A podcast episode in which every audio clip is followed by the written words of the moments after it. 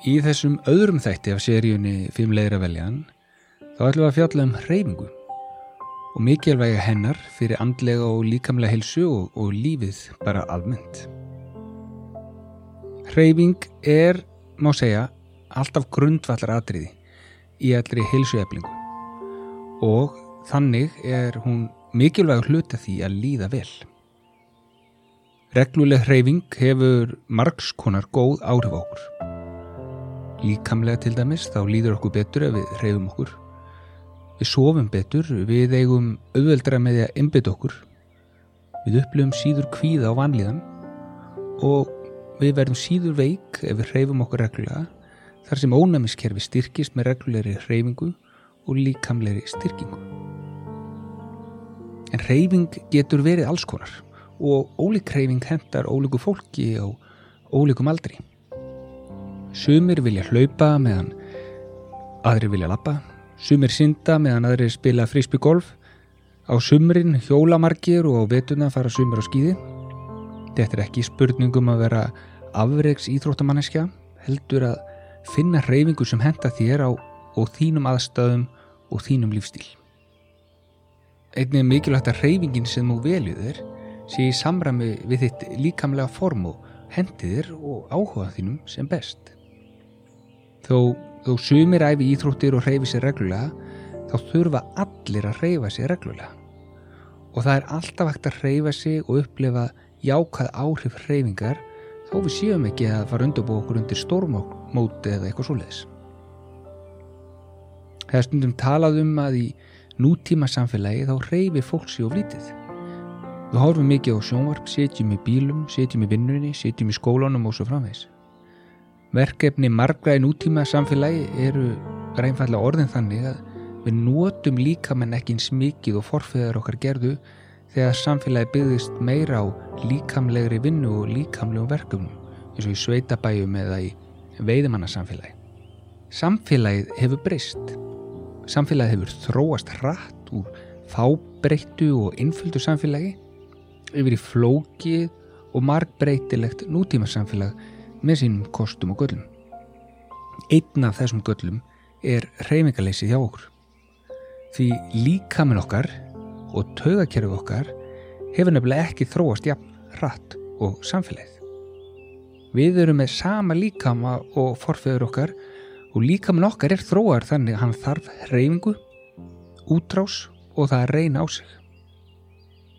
Það er nöðsilegt fyrir hjartað okkar að reyna þess á sig. Þannig fyrir blóðið af kraftu um æðarnar og reynsar þær og styrkir.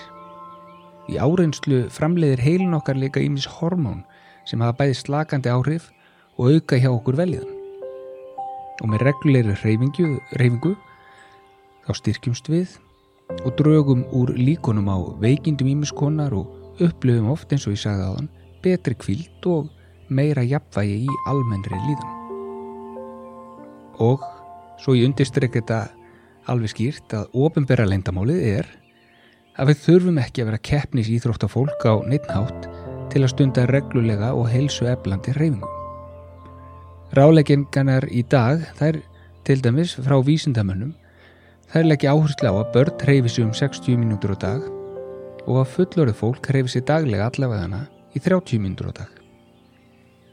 Það er stundum talað um að hreyfing getur verið erfið eða miðlungserfið, svona kannski ekki alltaf ja, auðvelt átt að segja á því en svona keira sig út erfið eða, eða svona passlega erfið og einu svona var því haldið fram að bara erfið hreyfing þar sem við erum mikið að taka á því myndi skila árangri.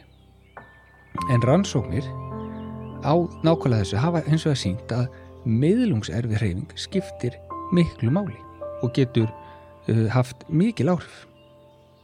Þetta hefur verið svona miðlungserfi hreyfing hefur verið skilgreint sem þannig að hún sé svona þrísvætti sexunum erfiðar en að vera í kvíld.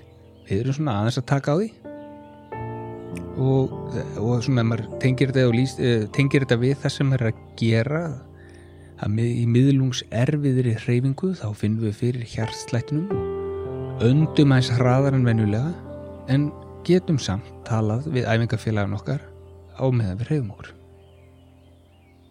Þannig að staðan er þannig samkvæmt rannsóknum út um allan heim að yfirveguð en röskleg hreyfing skiptir máli og gerir alvöru gagn. Svoleiðis hreyfing er mikilvæg og mjög líklega, líklegt er að regluleg dagleg hreyfing muni hafa margkynns áhrif á það hvern okkur líður og hvernig við höfum það. Og það er ímislegt að gera til að stuðla meiri og markvísari hreyfingu. Sumir hlusta á hljóðbækur eða podcast meðan þeir hreyfa sig og, og mörg upp í símanum okkar bjóðu upp á innfaldar og aðgengilar ræfingar fyrir öll getustig. Hvað vilt þú gera? Viltu auka úthald, auka vöðvastyrk eða ná að vera liðuri? Þá er potið til æfingakerfi sem henda þér og þínum óskum er bara aðeins að leita þeim og finna það sem passa best og stundum er hægt að blanda saman hreyfingu við efni þáttarins hér á undan það er til dæmis hægt að hreyfa sig með öðrum.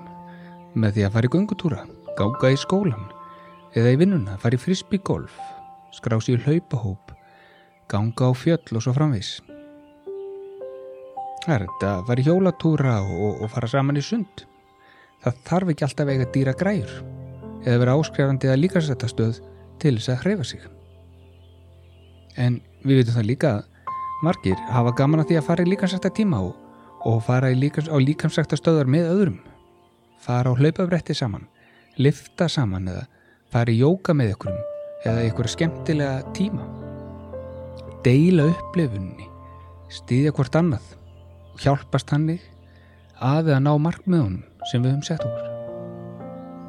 Og með því að blanda þessu tvennu saman, góðum félagskap og góðri hreymingu þá sláum við tvær flugur í einu höggi, hlúum að okkur sjálfum og rektum tengslokkar við aðra og þetta er uh, augljóslega líklegt til að hafa mjög jákvæð áhrif á okkur á mörgum vikstum. Og ef við vitum ekki hvar við viljum byrja, þá getur verið gott að fara kannski yfir nokkra spurningar.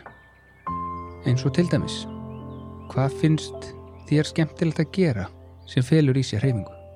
Bara hvað sem er. Er eitthvað sem þið hefur langað að prófa sem felur í sér hreyfingu? Eitthvað sem hefur frestaðið ekki, ekki gefið tíma til að gera? Er kannski komið tíma til að prófa það?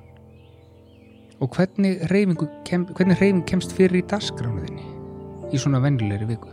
með við það sem þú ert búin að taka þér er einhver laus tími eða getur þú búið til tíma að tekið frá þannig að þú náir að koma inn þessari reyfingu sem þér er mikilvægt prófum að draga þetta aðeins saman það getur verið gott að búið til lista af hugmyndum ákveða hvinnar ég ætla að reyfa mig og reyna að koma reyfingu að á hverjum degi og tengja reyfingu við áhuga mál eða, eða reyfa sig um öðrum á okkur nátt Öll hreyfing skiptir máli og öll hreyfing er líklega til að byggja þau upp og hafa jákvæð áhrif á heilsu þína og líðan. Gangið er vel.